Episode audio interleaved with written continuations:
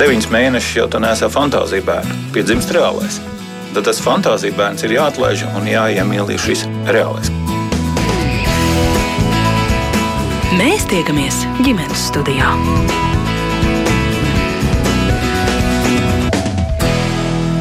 Labdien! Tūlīt sarunas, cik svešvalodas būtu jāapgūst, lai veiksmīgi iekļautos mūsdienu darba tirgū, un vai pietiek tikai ar labām vai pat ļoti labām angļu valodas zināšanām. Man sauc Mairits Noteņa, un studijā kopā ar mani ir Rīgas kultūra vidusskolas direktora vietnieks izglītības jomā Mārtiņš Bērziņš. Labdien! Labdien arī Rīgas starptautiskās skolas, pamatskolas un pirmskolas programmas koordinātorei Gintai Kārkliņai. Labdien! Un pat tālruni mūsu sarunā piedalīsies Krievu valodas skolotāji Buldurdārs kopības vidusskolā un metodikas pasniedzēja Latvijas Universitātes pedagoģijas, psiholoģijas un mākslas fakultātē Jeļena Košaļeva. Labdien arī jums! Labdien, paldies, ka uzaicinājāt. Jā, paldies, ka atradāt laiku piedalīties, bet uh, gribu visiem klātešiem jautāt, ir tāds pieņēmums, ka mūsdienu skolēniem angļu valoda ir kā dzimtā valoda. Nekādas grūtības nesagādā. Starp citu, arī centrālo eksāmenu rezultātu šajā mācību priekšmetā rāda 70, 66%. Tas ir labi, ļoti labi. Kā jūs to vērtējat? Skatos uz Mārtiņu Bērziņu. Skatoties globālā kontekstā, ja angļu valoda šobrīd ir pirmā svešvaloda pasaulē, kuru izmanto, jeb ikdienā lieto lielākā daļa pasaules iedzīvotāju, gan kā dzimto valodu, gan kā svešvalodu, tad tas ir labi. Jūs pieminējāt centralizēto eksāmenu rezultātus, jā, tā ir, ka pēdējos gados latviešu valodas centralizētajā eksāmenā šie vidējie rādītāji ir zemāki nekā angļu valodā. Tātad vismaz izskat, skatoties pēc centralizēto eksāmenu rādītāju, mūsu skolēni angļu valodas gramatiku prot labāk nekā latviešu valodas. Tā tas, tā tas izskatās. Arī ikdienā skolā var novērot savā starpā vidusskolēni bieži vien sarunājas angļu valodā. Tas arī droši vien ir viens no iemesliem, ir, lai uzlabotu šīs angļu valodas komunikācijas prasmes. Bet vai tas ir dzimtās valodas līmenī, es domāju, tas ir ļoti, ļoti individuāli, bet katrā ziņā šīs angļu valodas prasmes ar, ar vienu aug. Tas, protams, pamatā iemesls tam, protams, ir vide, kurā mēs dzīvojam, vide, kurā mūsu bērni dzīvo. Tad, tad kino, mūzika un teiksim, varbūt arī datorspēles, tas viss ir angļu valodā, tāpēc viņiem šī valoda šobrīd varētu būt tuvāka. Gint Kārkliņ, kāds jūs viedoklis? Um. Man, man, mana pieredze ir starptautiskajā skolā, kur mūsu skolā mācību valoda ir angļu valoda. Mums ienāk skolā bērni īpaši pamat, pamat, pamatskolā, sākuma skolā un pirmsskolā, kuri nerunā angliski un ļoti ātri iemācās šo valodu, jo viņi ir atrodas tajā vidē. Viņi visu dienu pavada runājot angliski. Un, Tas ir tas, ko mēs bieži ar vecākiem runājam. Mēs stāstām, ka viņiem mājās ir svarīgi uzturēt šo savu dzimto valodu, jo skolas valoda pārņem. Skolas valoda kļūst spēcīgāka, jo nu, mēs paši zinām, ka pie vakariņu galda mēs nerunājam par tādām tēmām, par kurām lasām mācību grāmatās un, un, un, un mācāmies stundās. Un, un tādēļ ir, ir, tā, ir tā angļu valoda tā kā, nu, pali, kļūst ar vien spēcīgāk. Bet, nu, protams, katra valoda ir bagātība tādēļ. Tādēļ nepietiek tikai ar angļu valodu, un, un ir, protams, arī ceļojot pa pasauli, mēs zinām, ka mēs nonākam valstīs, kur ar angļu valodu arī nekur nevar tikt. Nu jā, tieši to gribēju jums jautāt, vai pietiek, vai mūsdienu pasaulē pietiek tātad dzimtā un ļoti labi angļu valoda? Es domāju, tas ir sākums. Tas ir sākums vienmēr, un, uh, un katra nākamā valoda iedos tikai vēl papildus pluspunktus, kā mēs varam teikt. Mārtiņ? Runājot par svešvalodu prasmēm, kādas mums vajadzētu. Un jūs tikko pieminējāt, ka ir valstis, kurās ar angļu valodu diemžēl vien nepietiek. Tad šeit ir jāpiemina, ka ja pēc cilvēku lietotāju skaita angļu valoda ir pirmajā vietā pasaulē, tad pēc cilvēku skaita, kam šī ir dzimtā valoda, tad pirmajā vietā pasaulē ir ķīniešu mandarīnu valoda. Un, ja mēs skatāmies Āzijas virzienā, tad droši vien nav noslēpums, ka cilvēkiem Āzijā, piemēram, Ķīnā vai Japānā, angļu valodu iemācīties ir diezgan sarežģīti. Ceļojot vai, teiksim, veicot biznesa darījumus, braucot komandējumos uz šo reģionu, ar angļu valodu tiešām varētu nevienmēr pietikt. Tāpēc ķīniešu valoda vai japāņu valoda būtu pilnīgi noteikti kā vēl viens labs pielikums mūsu CV, jo, jo skatoties globālā kontekstā, diez vai mēs mūsdienās varam kādu pārsteigt tikai ar angļu valodas zināšanām vien. Nu, tas būtu tiešām ļoti labi. Par to mēs noteikti arī šodien vēl parunāsim. Bet nu, reāli, reāli ir tas, ka tā otra svešvaloda, kuru mācās skolēni Latvijā visbiežāk, ir krievu valoda un vācu valoda. Kā jūs uzskatāt, pamatoti? Vai tāpēc, ka tas ir tā tradicionāli iegājies un šajā jomā ir visvairāk skolotāju, kur māca? Nu, mūsu skolā ir tā, ka otrā svešvaloda ir no 4. klases. Pirmā, pirmā svešvaloda ir angļu valoda, tā ir no 1. klases, bet uh, no 4. klases otrā svešvaloda mums ir uh, franču valoda un krievu valoda. Mūsu skolā vācu valoda kā svešvaloda vairs netiek apgūta. Kāpēc? Jau, jau, es to ieraudzīju, starp citu pamanīju, ka lūkojoties jūsu mājaslapā skolas. Jau, jau pēdējos, manuprāt, manuprāt, kādus astoņus, deviņus gadus noteikti Un tas vienkārši notika. Tas nebija teiksim, tā, mūsu lēmums vai mūsu mērķis, bet tas vienkārši notika dabīgā procesā. Ja, ja skolēni šo valodu, vai, vai varbūt arī vecāki, neizvēlās šo valodu kā otro svešu valodu, un nevaram izveidot šīs valodu grupas, tad tad, protams, šī svešu valoda vairs netiek mācīta. Tāpēc šobrīd ir franču un uh, krievu valoda mums kā otrā svešu valoda. Franču, krievu arī spāņu? Uh, spāņu Otrā svešvaloda vidusskolā mums ir franču, krievu, spāņu un itāļu valoda. Tātad no 4. līdz 9. klasē otrā svešvaloda ir uh, franču un krievu valoda tikai. Tātad pēc tās lielāks pieprasījums. Um, mūsu skolā otrā svešvaloda bērni sāk apgūt pirmajā klasē. Tie ir tie bērni, kuri ir apguvuši angļu valodu tādā līmenī, lai viņi varētu sekot līdz mācībām, jo, kā jau es minēju, mācību valoda ir angļu valoda. Un tad, um, uh, Tā kā mēs esam skola Latvijā, mums ir arī svarīgi latviešu valodu apgūst. Uh, tad latviešu ģimenes mācās latviešu valodu šīs svešvalodas vietā, un, um, un tie bērni, kuri nav, uh, kuriem nav ģimenē latviešu valoda, tie mācās franču valodu. Un jau sākot no pirmās klases, trīs stundas nedēļā, mēs palielinājām stundu skaitu, lai nebūtu tikai tā, ka nu, ķeksīša pēc skaitās, ka mācās valodu, bet patiesībā tajā vienā vai divās stundās nevar iemācīties. Tad, lai, lai tiešām apgūtu šo valodu, skolu, stundu skaitu palielinājām. Un vidusskolā mums vēl ir arī nāk klāt spāņu valoda, ko var izvēlēties. Nu jā, jūs tiešām esat specifiska skola, varētu jā. teikt, starptautiskā skola, bet, bet piemēram, kultūru vidusskola, tātad pieprasījums pēc krievu valodas tomēr joprojām saglabājas lielāks nekā, kā jūs teicāt, pēc vācu valodas. Ja?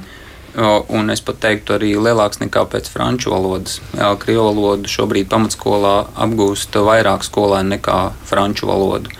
Tur varētu būt dažādi iemesli, protams, vēsturiskais konteksts, arī, arī ģeopolitiskais konteksts, kā bērni vai vecāki redz krievu valodai lielāku pielietojumu šobrīd nu, nekā šajā gadījumā franču valodai, un arī tas, ka mm, krievu valodu droši vien varētu būt mūsu bērniem vieglāk apgūt nekā franču valodu, jo ir mums daudz ģimenes, kurās viens no vecākiem runā latviešu valodā, otrs krievu valodā. Līdz ar to vecāks, piemēram, skolēnam var palīdzēt šīs valodas apgūves procesā, kur pretī, piemēram, ar franču valodu būtu grūtāk. Ko par šo saka krievu valodas skolotāja Jēna Košaļeva? Uh, labdien, vēlreiz! Piekrītu ar kolēģiem, bet kolēģi, kolēģi ļoti daudz runā tieši par lietprātību. Bet, kad mēs runājam par uh, svešvalodas mocīšanu, es domāju, ka uh, vajadzētu arī pieminēt tāds, nu, kulturālais aspekts. Mēs visi esam lingvālas personības. Un mums, jūs teicat, ka jebkura valoda mums bagatelinā. Iemācīties svešvalodu nozīmē mm, saprastu domāšanas veidu, citas tautas domāšanas veids. Nu, piemēram, kā angļu valoda, kā uztvert pasauli tik daudz, val, tik daudz laika. Ja? Tādēļ man šķiet, ka, protams, jāņem vērā lietprātība, kura valoda te vajadzētu pēc tam. Jā, nu, pie, ja, piemēram, mana meita uh, vēlas uh, tiktu par restauratoru, tad viņi jāmācās tādu valodu, kur viņi pēc tam mācīsies. Nu, uh, bet uh, par ko es gribu pateikt, uh, ļoti, ļoti bieži krievu valodu izvēlējas nevis bērni, bet vecāki. Domājot, ka tā var noderēt. Es domāju, ka mēs pēc tam atgriezīsimies pie šo jautājuma, jo man ir dažas idejas par to. Man šķiet, ka mums vajadzētu izklausīties tieši bērnu, jo piespiest mācīties kaut kādu valodu, mm, es domāju, ka nav iespējams. Nu jā, bet mēs tikai runājam tomēr par bērnu, kā jūs teicāt, 4. klasē. Bērnam būtu jāizvēlas otra svešvaloda. Nezinu, vai bez vecāku, tā teikt, palīdzības un ieteikumu šajā vecumā to varētu izvēlēties. Šai situācijai vajadzētu motivēt. Jo, nu, ka Staņislavska sistēma, jūs varat iztēlot, jūs esat skolēns, Un jūs ļoti labi protat jau angļu valodu, nu, ok, ceturta klasa, jūs protat angļu valodu. Un vecāki jums teica, tev obligāti jāmācās krievu valodu, jo tā tev noderēs pēc tam darba tirgu. Kā maziņš bērniņš var, nu, cilvēks racionāla būtne. Kā šis bērniņš var motivēt sevi mācīties ļoti grūtu valodu, ja viņam tā varētu noderēt pēc tam dzīve. Nu jā, tas, es, jā. Es domāju, ka pirms vajadzētu skolēnu motivēt. Varbūt aizvest uz Pēterburgu, parādīt um, skaistu pilsētu. Varbūt var interesēt ar mūziku kaut kādu. Nevis tā, kā notiek skolā ja, ka notiek tagad, ka ģimene izvēlējas, ka bērnam jāmācās krievu valodu, jo tā noderēs. Un pārsvarā tā rada pretestību. Nu, nav, nav ceturtā klase, bet eh, starp pusauģi noteikti.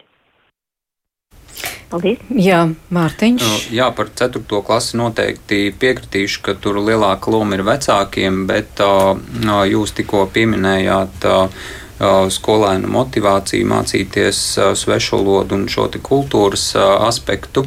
Runājot par vidusskolu, es gribētu teikt, ka noteikti lielākā daļa skolēnu, kas mūsu vidusskolā izvēlās mācīties japāņu vai ķīniešu valodu, viņi izvēlās šo valodu un izvēlās mūsu skolu tādēļ, ka Viņiem patīk Japāņu kultūra, piemēram, anime, mode un tā tālāk. Un tas ir bijis par pamatu viņu interesē par šo valodu, un viņi ir tā, tādēļ izvēlējušies šo valodu apgūt. Jo šīs valodas ir ļoti sarežģītas priekš mums, un tiešām ir jābūt ļoti lielai interesei un motivācijai, lai, lai spētu iesākt mācīties un turpināt viņu apgūt nu, vismaz trīs gadus vidusskolā un pēc tam vēl tālāk.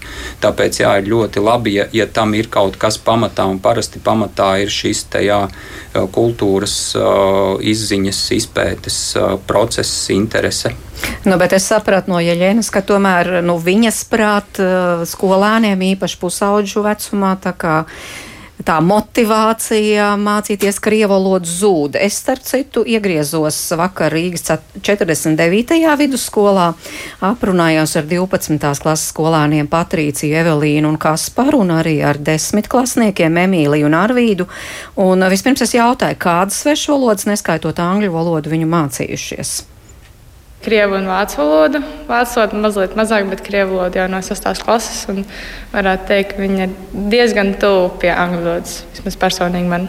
Vācu valoda tādā pamatzināšanu līmenī. Jo būtībā ikdienā sanāk vispār neizmantot, un tad viņi paliek varbūt tā otrajā plānā. Bet tā bija tātad ģimenes vai jūsu izvēle, piemēram, sastajā klasē izvēlēties krievu valodu? Krievu valodu vienkārši es sapratu tajā brīdī, ka tas ir uh, aktuālāk un uh, noteikti nedaudz svarīgāk nekā vācu valoda. Nu, es no bērnības multfilmu skatos krievu valodā un, un kaut kādā attālāki runā krieviski, un tas vienkārši kaut kā likās organiskāk. Laikam. Kā jums? Man bija iespēja 5. klasē apgūt vācu valodu, un 6. klasē es izvēlējos turpināt labāk krievu valodu. Vairāk tas bija tāpēc, ka es vēlējos saprast, ko runā vecāki savā starpā. Kad es biju maziņa, tas bija viņiem tāds pluss sarunāties man aiz muguras krieviski. Tagad viņi to izmanto pret maniem pārējiem brāļiem, taču es varu viņiem tulkot. Un tad sastajā klasē, lai turpinātu to vācu valodu, man bija iespēja iet uz fakultatīviem. Bet toreiz tas nelikās tik svarīgi, tāpēc es turpināju tikai ar krievu valodu. Un, uh, tagad, kā manai klases biedrenei, mēs apgūstam abas valodas. Bet uh, nebija grūtības mācīties krievu valodu. Tas bija tiešām tik vienkārši. Es atceros, ka otrajā klasē mums skolā bija otrā maiņa, kad mēs nācām uz skolu ap 12. Tāpēc visu rītu es varēju skatīties televizoru. Un uh, pa televizoru rādīja tādu seriālu papiņu dočki, uh, ko es skatījos katru dienu. Tāpēc tādi pamati man jau bija ielikti. Alfabēts. Uh, alfabētu gan es iemācījos tikai 6. klasē. Bet tā tad arī vērtēja krievu valodas zināšanas kā labas, ļoti labas. Nu, kā jūs sev novērtējat? Es gribētu teikt, ka man ir labas krievu valodas zināšanas. Es saprotu, ko runā, bet, uh, lai pati es sarunātos, es mazliet kautrējos. Un vācu valodu? Vācu valodu es vairāk teiktu, ka es saprotu frāzes un uh, no konteksta. Ja mēs runājam par kādu noteiktu lietu, es noteikti saprastu, par ko jūs runājat. Bet, ja tā man tagad ieliktu Vācijā, es stipri apšaubu, ka es varētu būt normāls sarunu biedrs. Nu, man arī līdzīgi kā manām klases biedrinēm, ka no sestās klases mācos jau krievu valodu, un desmitajā vēl pienāca klāta vācu valoda. Un tad sanāk, jā, ka angļu valodu nu, jau kā Es domāju, vairums bērnu, skatoties visādas multenes un citas raidījumus, ir iemācījušies daudz maz. Un krievu valodu es arī iemācījos caur visādiem raidījumiem, un arī klausoties, kā pieaugušie runā. Nu, ja jūs paskatāties uz savu klasi, uz klases biedriem, tad lielākā daļa ir izvēlējušies kā otru svešu valodu sākt mācīties krievu valodu. Nu, mums vismaz visiem klasē, es domāju, ka ir krievu valoda stiprāk kā kāda vācu valoda vai cita valoda, jo nu, arī Latvijā ir biežāk sastopama krievu valoda nekā kāda vācu valoda vai pat angļu valoda. Jūs esat desmitā, desmitā klasē, jā, līdzīgs ir tas stāsts, kā mēs tikko dzirdējām. Jā, mums krievu valoda sākās jau piektajā klasē kas uh, mums bija obligāti, bet arī iespēja ņemt vācu valodu fakultatīvi. Bet uh, vidusskolā tagad mums atkal klasē vairāk iet uz vācu valodu, un tad mums ir iedalījušās cilvēki, kas mācās vācu valodu, cilvēki, kas mācās krievu valodu. Bet uh, pārsvars ir uz krievu valodu. Mhm. Bet tās zināšanas? Nu, es domāju, mums ir vājākas zināšanas nekā 12. klasē, jo es domāju, ka mēs tik ļoti neiespringām. Tas arī varbūt tas ir tas. Uh, visu Covid iemeslu dēļ mēs attālināti, mēs vispār nestresojām par atzīmēm, tik īpaši krievu valodā. Bet uh, tagad vidusskolā jāsāk iespringt vairāk, tāpēc, ka tas iet uz atestātu. Nu, pats es mācos krievu valodu arī tikai no 6. klases. Tā, kad mazāks biju no teiksim, tā multinēm, krievu valodā vairāk izvairījos, jo tieši diži nevarēja saprast neko. Angļu valodu mācos no bērnu dārza tā krievu valodu tā pamatīgi sāku mācīties tikai tad, kad es šo skolu pārnācu 7. klasē. Nu, kāds tagad tas līmenis? Varat saprast, piemēram, ko tur uz ielas runā? Teiksim tā, ne visas simtprocentīgi, bet lielākoties, ka var. Jā. Bet kā jums šķiet, vispār, cik svarīgi ir zināt ne tikai angļu valodu, bet vismaz labā līmenī vēl vienu svešu valodu? Es domāju, ka tas Latvijā, cik Mums ir ļoti daudz cilvēki, kas runā krievu valodā, ir ļoti svarīgi, tāpēc, ka ikdienā bez tā nevar iztikt. Tāpēc, kad uh, jābūt komunikācijai savā starpā, un ja cilvēks nevar vienā valodā, tad ir jābūt alternatīvai, ar ko runāt otrā valodā. Darba tirgu, jo vairāk valodas tu zini, jo tu vērtīgāks kļūsti.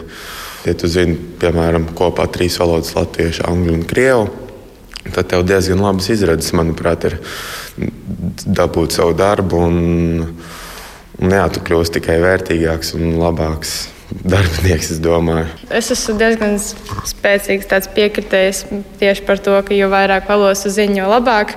Un, uh, es plānoju arī nākotnē mācīties vēl vismaz vienu valodu. Tā būtu? Uh, Visticamāk, spāņu, bet, uh, bet es esmu pēdējā laikā ļoti daudz dzirdējis to, ka mācoties retākas valodas, piemēram, skandināvu, ir ļoti plašas iespējas, jo tik daudz cilvēku tās valodas nepārzina, taču darba tirgu tās ļoti pieprasītas. Un tagad, kā 12. klases skolniece, tu vēl vairāk apzinājies to nozīmību, kāpēc tas būtu jādara. Es piekrītu saviem klases biedriem, taču, manuprāt, ir ļoti svarīgi zināt savu dzimto valodu perfektā līmenī, līdz varētu sākt apgūt vēl papildus valodas. Es uzskatu, ka manas latviešu valodas zināšanas priekš 12. klases skolnieces ir ļoti labas. Tāpēc tādu angļu valodu, krievu valodu un vācu valodu es varu sākt mācīties un izmantot arī ikdienā vēlāk, kad man vajadzēs darba tirgu. Šī krievu valoda, manuprāt, ļoti noderēs.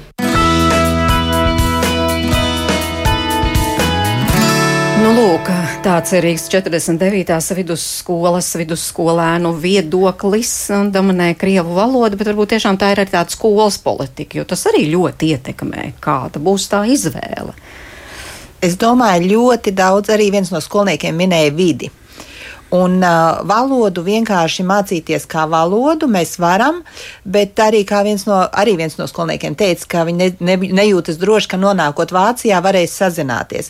Es domāju, ka noteikti nonākot Vācijā un esot tajā vidē, šī valoda atdzīvosies un varēs sazināties, lai arī šobrīd šķiet, ka varbūt, varbūt nav tik viegli. Jo, ja šī valoda ir apkārt, ja dzird, ir daudz vieglāk viņu viņu iemācīties un uzreiz jau sākt lietot un pielietot, un tad kaut vai kļūdas, kaut vai kas, bet, nu, bet vismaz viņa ir dzīvāka, nevis tikai tāda kā nu, iegaumēta valoda. Nu jā, jo kādu līmeni vajadzētu sasniegt ar to otro svešu valodu? Nu, piemēram, nu, cik labā līmenī no skolas viedokļa skatoties to vajadzētu apgūt? O, šeit varētu būt uh, divas lietas. Uh, uh, Viens ir no skolēna mērķiem, ko viņš ar šo svešvalodu tālāk grasās darīt. Bet pilnīgi noteikti tam vajadzētu būt sarunu valodas līmenim, nu, kā minimums. Un, ja skolēns, piemēram, plāno savu dzīvi un karjeru saistīt ar šo svešu valodu un plāno teiksim, kārtot arī vai no nu skolas eksāmenu vai valsts pārbaudījumu, tam, tad tam līmenim noteikti būtu jābūt krietni augstākam, lai turpinātu varētu studijas augstākās izglītības iestādē vai pat uh, turpināt startēt uh, darba tirgu. Mm -hmm. Bet uh, no jūsu intervijas es vēl gribētu pakomentēt uh, pēdējās meitenes teikto par uh, dzimto valodu. Par dzimto valodu jā. Šeit viņa ļoti labi piebilda, ka uh, viņa pa priekšu gribētu labi apgūt vai ļoti apgūt, labi apgūt dzimto valodu un tad tikai mācīties svešu valodu. Šis ir labs moments, bet te ir viens bet. Tur bija runa par 12. klases skolnieci. Pētījumi rāda, ka šo dzimto valodu bērnam vajadzētu pamatā apgūt līdz tiem pieciem, sešiem gadiem un tikai tad sākt mācīties svešvalodu. Tātad, un šīs svešvalodas, pirmās svešvalodas mācīšanās laiks ir ieteicams no, no 5, 6 gadiem līdz pubertātes sasniegšanai, tātad apmēram 10 līdz 14 gadu vecumam. Tātad arī nevajadzētu palaist šo, šo vecumu garām, kad sākt mācīties pirmo svešu valodu, lai viņu varētu apgūt ļoti labā līmenī. Tas ir domāts nu, dzimtās valodas līmenī. Nu jā, bet vēl jau vairāk par to otro svešu valodu. Jūs gan teicāt no 4. klases, tie varbūt tagad ir tādi jauni standarti. Ja mēs dzirdējām jaunieši, viņi teica, viņi sāka otro, nu, nezinu, 6. klasē, 7. klasē, tad, tad, tad jau tā mācīšanās droši vien ir daudz grūtāka, vai ne? Um, Tā kā es esmu pārsvarā ar, strādāju ar mazajiem bērniem, ar, ar sākuma skolu.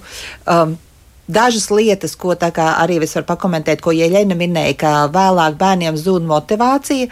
Sākuma skolā ir tas, ka bērnus ļoti viegli ir ieinteresēt par visu kaut ko. Viņus ļoti viegli motivēt, un viņi aizraujas. Viņi ar lielu aizrautību mācās da, pilnīgi jebko, ko skolotājs viņiem var interesanti piedāvāt un ar, ar ko viņus aizraut. Arī ar, se, ar, ar svešvalodām. Un šajā vecumā viņi ir ļoti atvērti. Mūsu skolā ir bērni, kuri, nu, tas ir cits jautājums, protams, par dažādām valodām, bet ienāk bērni, kuri jau runā divās valodās, un angļu valoda viņiem jau ir trešā valoda. Ja viņi ātri iemācās angļu valodu, viņi turpina mācīties jau ņem klāt franču valodu, jau ceturtā valoda. Viņiem vēl ir auklīt mājās, kur runā vēl vēl citā valodā, tad viņiem jau ir piecas valodas, 6, 7 gadu vecumā. Un šajā vecumā bērni tik tiešām viņi, ir, viņi, viņi ļoti ātri viņi tās valodas uzsūc paši pat nemanot. Viņi pat, pat nevar teikt, ka viņi īpaši viņas mācās. Tāpat kā dzimto valodu, esot tajā vidē, esot kopā ar cilvēkiem, viņi vienkārši viņu apgūst. Mm -hmm. Jā, starp citu, arī klausītāji mīļi aicināt iesaistīties šajā sarunā, te komentējot Lauru, piemēram, saka, man, protams, prieks, ka bērni labi apgūst angļu un krievu valodu. Nezinu, vai tiešām tas tā ir, vai tas ir tikai mīts. Bet vakar, lasot 4. klases grāmatu, latviešu valodā bija šokā, jo kam, komatu likšanu māca pavisam savādāk un man izskatās kļūdaini. Savukārt Ineta, piemēram, raksta vislielākais klupšanas akmens krievu valodas apguvē. Tas ir pedagoģa izpratnes trūkums, kuri a priori pieņem, ka bērni Latvijā jau no dzimšanas zina krievu valodu un neiespringst uz kirillicas vārdu krājumu un gramatikas apgūšanu. Nav nevienas labas krievu uh, valodas apgūst grāmatas ar gramatiku un tam līdzīgi, un kompetentā izglītība vispār ir bez grāmatas svešvalodā. Jerena, ko jūs te varētu teikt?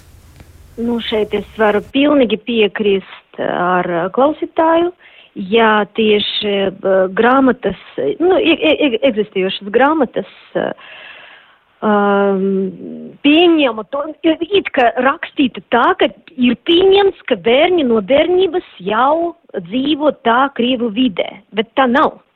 Mēs visi zinām, ka uh, šeit mēs dzīvojam divas paralēlas pasaules. Es negribu pateikt, tas ir labi vai tas ir slikti, tā ir realitāte, tā ir paša realitāte ir Bēļģija, tur flam, flamāni, flamāni valodi, ja, bet tā ir mūsu realitāte. Ja patiešām latviešu bērni, latviešu skolēņi ļoti bieži vispār nedzird savu dzīvi krīvu valodu, ja viņi neapmeklē kaut kādas uh, grupiņas, piemēram, hokeja vai Uh, nu, vai vēl kaut, kaut kādas pulciņas, kur viņi var satikties ar krīvu bērniem. Ja? Visa tāda tikšanās, visa saskarsme ir tikai tramvāja, ja, kur, uh, kur skan tā krīva valoda, kuru nevajadzētu zināt. Ja? Bet um, es vēlos pateikt, ka tīša kompetenci pieeja glāb situāciju. Jo šeit skolotājs var veidot savu mākslu. Es, piemēram, uh, Uh, nu, man ir kaut kāda pieredze strādāt dažādas skolas, gan privāta, gan gimnāzija, gan valsts skolas, un tagad, nu, Budris tas ir gan, gandrīz koledža, tā profesionāla skola. Un jebkura skola, ejot, es brīdinu direktoru, ka es strādāju bez grāmatām. Nu, vispār bez grāmatām, tikai ar saviem materiāliem. Tas ir ļoti, ļoti labi, jo uh, skolotājs atnāca, viņš redz skolēnu līmenis, viņš var diferencēt, ja, piemēram, pusklase krīvu runājuši, pusklase latviešu, kur nedzirdēja vispār krīvu valodu savu dzīvi. Ja, un kā tu vari iztikt ar kaut kādu grāmatu? Nu, nē, tā, tā, tā nav iespējams. Kad, protams, būtu labi, ja būtu kāda grāmata, uz kuru var pamatoties, bet patiesībā atkarīgi no tā, kāda ir auditorija, kādi ir šitie skolēni, tev jāveido stundu un uh, savu programmu tieši ar šiem. Piemēram, ja man bija gimnāzija sadalīta, man bija klases ar ķīmiju novirzi un bija uh, medicīnas novirzi un fizika vai humanitāri. Ja? Un, protams, tie tekstiņi, un tur vidusskolē strādāju, uh, tie tekstiņi, kuri piemēroti mm, skolēniem, kuri pēc tam stāsies medicīnas fakultāte, viņam ir viena virziena teksti. Jo viņam lietpratība uzzināt vairāk par uh, cilvēku organismu nosaukumiem un ar, par dialogiem, kā mēs varam veidot dialogu ar uh, pacientu, ja tu esi ārste. Ja šī ir fiziki vai humanitāri, tur savādāk. Humanitāriem vairāk mēs varam uh, stāstīt par literatūru, piemēram, salīdzināt Ziedoņa un uh, Brodska uh, vēju, par, nu, tā kā piemērs. Un uh, neviena mācību grāmata te nevar, uh, nevar paredzēt, ar kuru auditoriju tu strādāsi.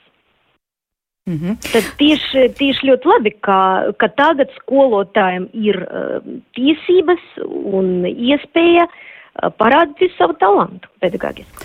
Jā, Ginta, tas laikam tā ir varbūt priekšrocība, jo šeit valodās ir patiešām ļoti svarīgi ar tiem līmeņiem ņemt vērā tiešām to reālo situāciju, jo es nezinu, izklausījās ļoti labi, ko jaunieši teica, bet kā Jeļena teica, un es arī par to esmu pārliecināts, ka ir liela daļa Latvijas jauniešu, kuri vispār vairs nesaskars ar Krievu valodu.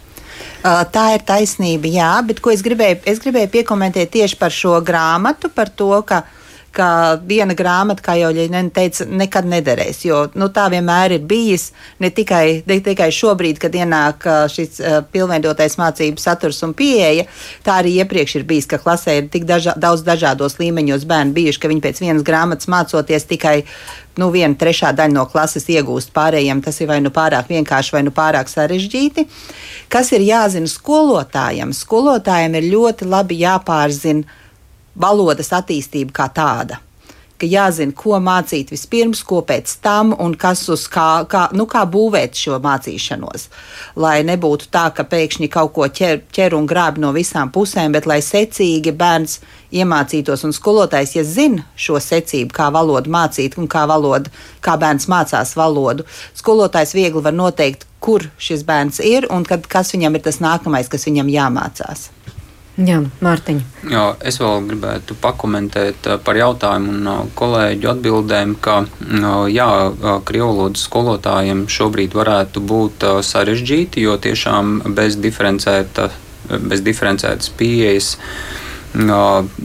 turpināt strādāt klasē mm, būs ļoti sarežģīti, jo, jo tiešām tā arī ir, ka ir skolēni, kuri piemēram, otro svešu valodu, krievu valodu ir izvēlējušies tādi, kuri arī ģimenē runā krievu valodā, vai vismaz viens vecāks runā krievu valodā. Arī tādas ir situācijas, un ir bērni, kas izvēlējušies mācīties krievu valodu kā svešu valodu pilnīgi vispār bez priekšzināšanām. Un, protams, tā atšķirība būs ļoti liela zināšanās, un skolotājiem tas ir jāņem vērā.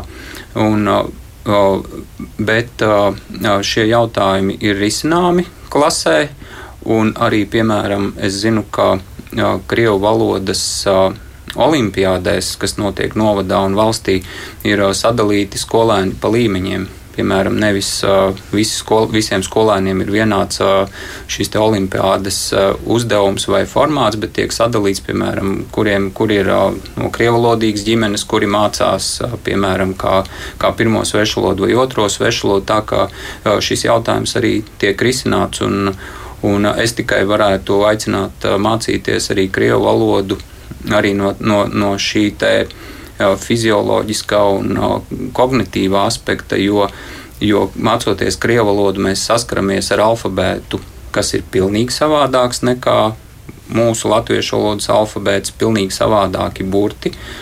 Tas ir viens izaicinājums. Izaicinājums ir arī izruna, Tā tad mums fizioloģiski mēlēji mutē jākustās savādāk, un, un tas mūsu attīstībā ir ļoti labs treniņš, krievu valodu noteikti ir viena no sešlodām, ko vajadzētu arī mācīties. Mm -hmm. Bet, piemēram, tad jūsu skolā tā ir, ka tā tad diferencēti arī pieiet mācot valodu, jo, kā jā, mēs te mamma jā, mums rakstīja, ka e, skolā tiek pieņemts, nu, kā a priori, visi jau tā kā apmēram zinu, tad tikai Mūs, nu, vienkārši nu, piemācamies skola, klāt. Mūsu skola nav izņēmums, mūsu skola arī valodu grupās mācās dažādi skolēni, un droši vien tas nav attiecināms tikai uz krievu valodu, tas var būt attiecināms uz jebkuru citu valodu un arī mācību priekšmetu, piemēram, arī matemātikā visiem nav vienāds zināšanu līmenis, un skolotājiem ir jāstrādā diferencēti, lai mēs sasniegtu kā, kaut kādu rezultātu.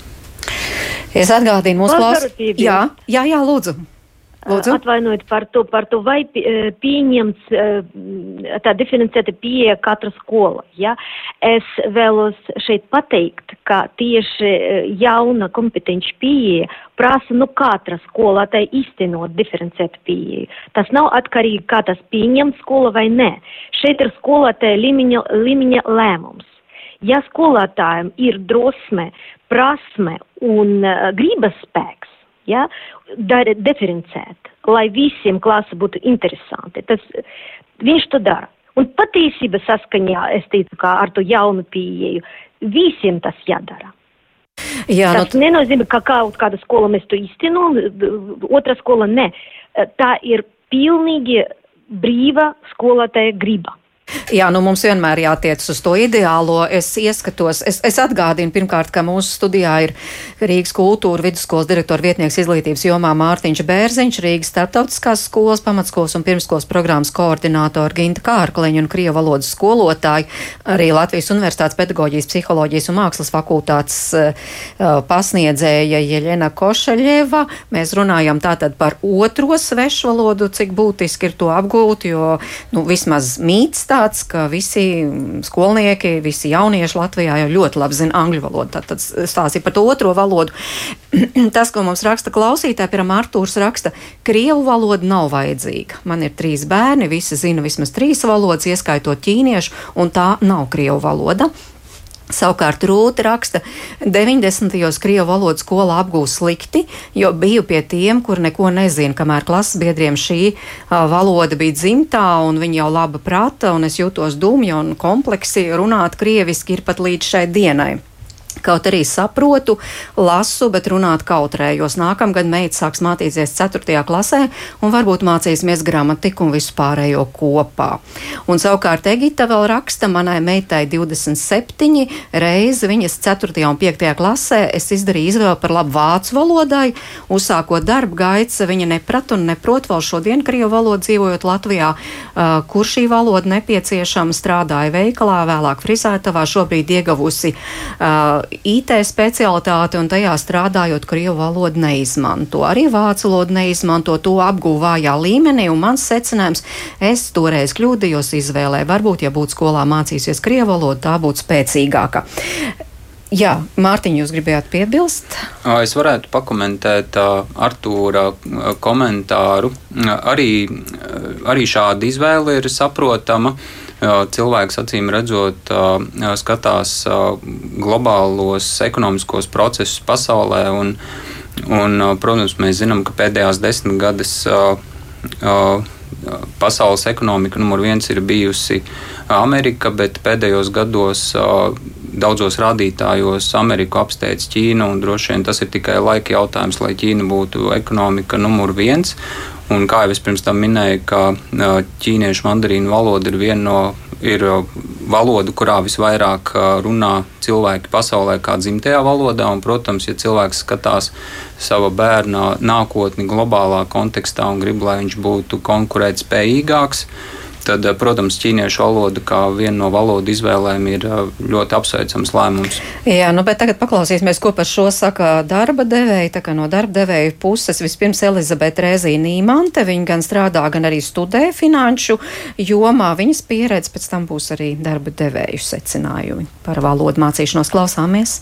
Es studēju starptautiskā dubultdiplomu bakalaura programmā, kas ir starp Banku augstskolu un Šveices biznesa skolu. Bet uh, tieši par uh, valodām ir tā, ka, protams, jā, latviešu valoda, kas ir uh, kā dzimtā valoda, tad angļu valoda, cik vien sev spēju atcerēties, jā, esmu bijis saskarsmē ar angļu valodu, jo arī ceļoju jau kopš ļoti agru vecumu, arī apmēram 2-3 gadu vecumu. Tā kā angļu valoda, tad pamatskolā, tad tālāk jau pievienojās mums arī vācu un krievu valodas. Un, uh, Pēc tam jau studiju laikā valoda tika nostiprināta un joprojām tiek nostiprināta.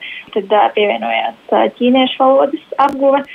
Un uh, paralēli vēl šīm valodām, kas ir akadēmiskās vidas ietvaros, man pašai ir uh, ļoti spēcīga interese uh, attīstīt uh, franču valodu un uh, jā, plānoju uh, pieteikties no pavasara Francijas uh, institūtā Latvijā. Tātad skolas laikā vācu valoda jums bija kā otrā svešvaloda. Cik labā līmenī to apguvāt skolas laikā? Vācu valoda mums pievienojās tikai vidusskolā. Līdz ar to, ka tā bija kā trešā valoda vidusskolā, tad jā, varbūt netik padziļināt, varbūt tik, cik es būtu vēlējusies. Līdz ar to, ka studēju šeit finanses, Vācija tiek uzskatīts kā finanšu centrs. Līdz ar to arī vācu valodas nozīmība ir pieaugusi man īpaši pēdējo divu gadu laikā kopš studēju, un tad, jā, es varbūt vērtēju, ka tagad man ir sanācis vēl pilnveidot izteiktāk un arī soli turpināšu tuvāko nedēļu laikā tieši sāksies nākamais vācu valodas uh, kurs. Un krievu valoda? Vairāk tieši šī lasīšanas prasme, kas tika iemācīta, vai rakstīšanas un viss šī izpratnes un tāda. Bet uh, saziņas līmenī uh, es teiktu, ka ir vēl, uh, ir vēl kur augt, jo, uh, jā, varbūt tieši šī savstarpējā saziņa nav sanākusi tik tuvu ar uh, cilvēkiem studiju vidē, tagad angļu valodā, tagad, protams, visu dzīvi bijuši latviešu valodā un, uh, jā, kā savādāk. Gan vācu, gan krievu valodas es būtu līdz galam, kad uh, es biju pamatskolā, es varbūt neapzinājos to nozīmību. Cik ļoti liela nozīmība ir tieši karjeras tīmas un attīstībā un uh, gan profesionālajā, gan akadēmiskajā vidē izaugsmas iespējām, ko valodas spēja nodrošināt. Nu, tajā laikā, ar ko esmu saskārusies, jā, tieši tā ideja kā tāda, ka uh, ir dzimtā valoda, un tad, uh, kas, protams, ir ļoti liela vērtība. Bet tad uh, angļu valoda tagad jau pēdējā laikā tiek uzskatīta vairāk kā tāda arī ikdienas daļa, gan Eiropas, gan pasaules skatījumā. Jā. Uh, līdz ar to uh, arī, kad uh, skatās pirms darba piedāvājumos, tas, ka ir dažādas valodas, ir konkrētā, protams, atkarīgs no kāda pozīcija un kādu jomu piesakās cilvēks, bet uh, tieši valoda tiek uzskatīts viena no nozīmīgākajām priekšrocībām, kas pēc kā arī pieņem tālāk tie jāatbildīgie cilvēki ja tieši vērtē to kandidātu. Tā kā tas arī pieņemu bija manā jau līdzinājā karjeras attīstībā bijis kā nozīmīgs faktors. Jā. Tām, ka svešu valodu zināšanas ir kā priekšrocība darba tirgū, piekrīt arī SAF tehnika personāla vadītāja Ivita Rozīte. Mēs esam uzņēmums ar nu, jau vairāk kā 20 gadu pieredzi telekomunikāciju iekārtu ražošanā un esam arī viens no vadošajiem mikroviļņu datupārraides iekārtu ražotājiem pasaulē. Un mēs ražojam arī mikroviļņu mēraparatūru, un, un beidzamos gadus esam gājuši jaunā virzienā, kā bezvadu sensoru sistēmas, vai, vai tagad populāri uh, Internet of Things, vai, vai saīsinājumā IoT. Uh, datu pārēdes iekārtas. Un, un tā kā mēs pārsvarā strādājam eksportā, Šis tad arī ir galvenais, kas nosaka to nepieciešamību pēc svešvalodu zināšanām. Piemēram, pagājušo gadu eksports sastādīja 98%. Un vēl uzņēmumam ir meitas uzņēmums ASV, un tur arī, protams, tā ikdienas komunikācija gan ar um, darbiniekiem, gan sadarbības partneriem un klientiem, protams, notiek svešvalodā. Vai pietiek mhm. tikai ar angļu valodas labām zināšanām? Nu, jebkuras papildus svešvalodas apguve un, un zināšanas, viņas paplašina sadarbību ar, piemēram, tādu valstu tirgiem, kur ir kāda cita nacionālā valoda, bez angļu valodas vai bez citām starptautiski pieņemtajām un lietotajām valodām. Jo kaut vai starp Eiropas valstīm arī ir joprojām tādas, kur priekšroku dod saziņai attiecīgās valsts nacionālajā valodā, piemēram, Francijā vai Vācijā īpaši. Un tad arī, jā, starp mūsu kolēģiem ir tādi, kuri papildus šeit angļu valodai, kas jau ir kā tāda nepieciešamība, jā, papildus angļu valodai zina un runā spāņu, franču, itāļu valodās. Nu, jā, tas vienkārši paplašina to sadarbību ar citu valstu klientiem. Jā, un attiecībā uz eksotiskākiem gala mērķiem, ja jums tā sadarbība tiešām ir, ir diezgan plaša un, un saftehnikas ražotā produkcija ir atrodams vairāk nekā 130 valstīs visā pasaulē, bet tādos eksotiskākos gala mērķos tur mums ir diezgan plašs aģentu tīkls, kuri tad, nu, dzīvo attiecīgajā reģionā un pārzina attiecīgo valstu valodas Malaizijā, Indonēzijā, tad mums ir arī aģents Kolumbijā, bet ir arī darbinieki, kuri tāpat runā papildus valodā bez šīs angļu valodas. Bet tad varētu teikt, ka tā ir priekšrocība. Jā, jā, tieši tā, jo, piemēram, šobrīd mēs esam pārdevēju papildus spēku meklējumos un uh, meklējam uh, kolēģi uh, tirzniecības nodaļā darbā ar klientiem Ziemeļvalstīs, jā, un lai arī, piemēram, šajās valstīs angļu valoda tiek diezgan plaši lietota, tomēr, uh, nu, kandidātiem par īpašu priekšrocību mēs uzskatīsim vienas vai vairāk ziemeļvalstu valodu zināšanas. Kā tas noteikti būs, nu kā, tāda konkrēta spējīgā priekšrocība, ja papildus labām angļu valodas zināšanām būs zviedru, norvēģu, dāņu vai somu valodas zināšanas.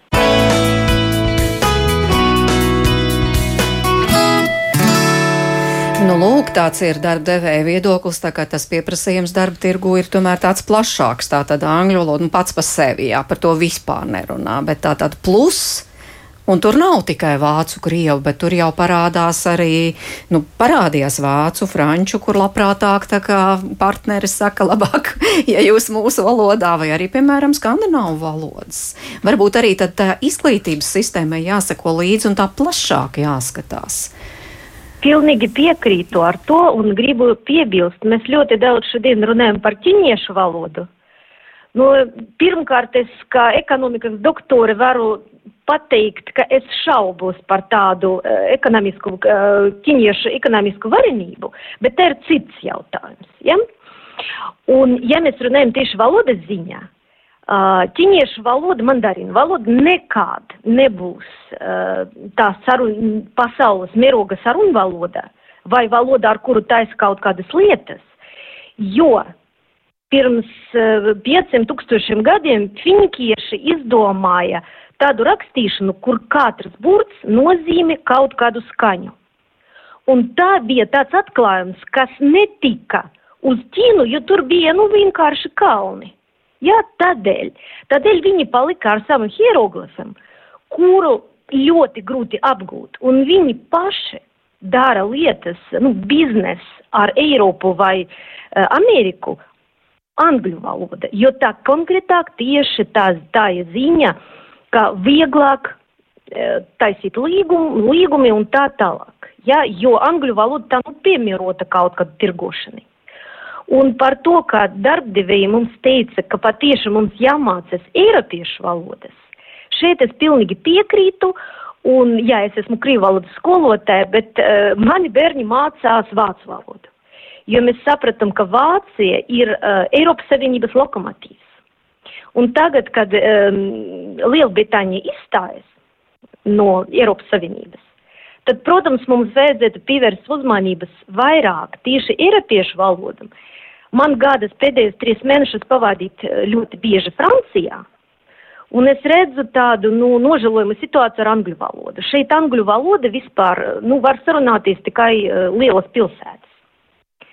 Patiesība gan bērni, gan pieaugušie nezina uh, angļu valodu. Viņam, uh, viņam priekšroku, protams, franču valodu, viņi runā savu valodu. Drusku labāk Vācijā. Un, ja mēs paskatīsimies, kāda Latvija eksporta importa apjoms, tur Ķīna būs kaut kāda, nu, ja būs kaut kāda 2-3%, būtu labi. Varbūt kāds man palabot. Bet ja mēs runājam par Vāciju, tur būs viss pilnīgi savādāk tad eh, varbūt nu, patieši vecākiem jauniešiem viņam jāsaprot, uz kuru pusi, karjeras pusi viņi virzās. Un varētu būt, ka tieši Ziemeļ, Ziemeļ-Eiropas valodas var noderēt, lai apgūtu, piemēram, brīnišķīgu izglītību un pēc tam atnest zināšanas uz mūsu mīļo Latviju.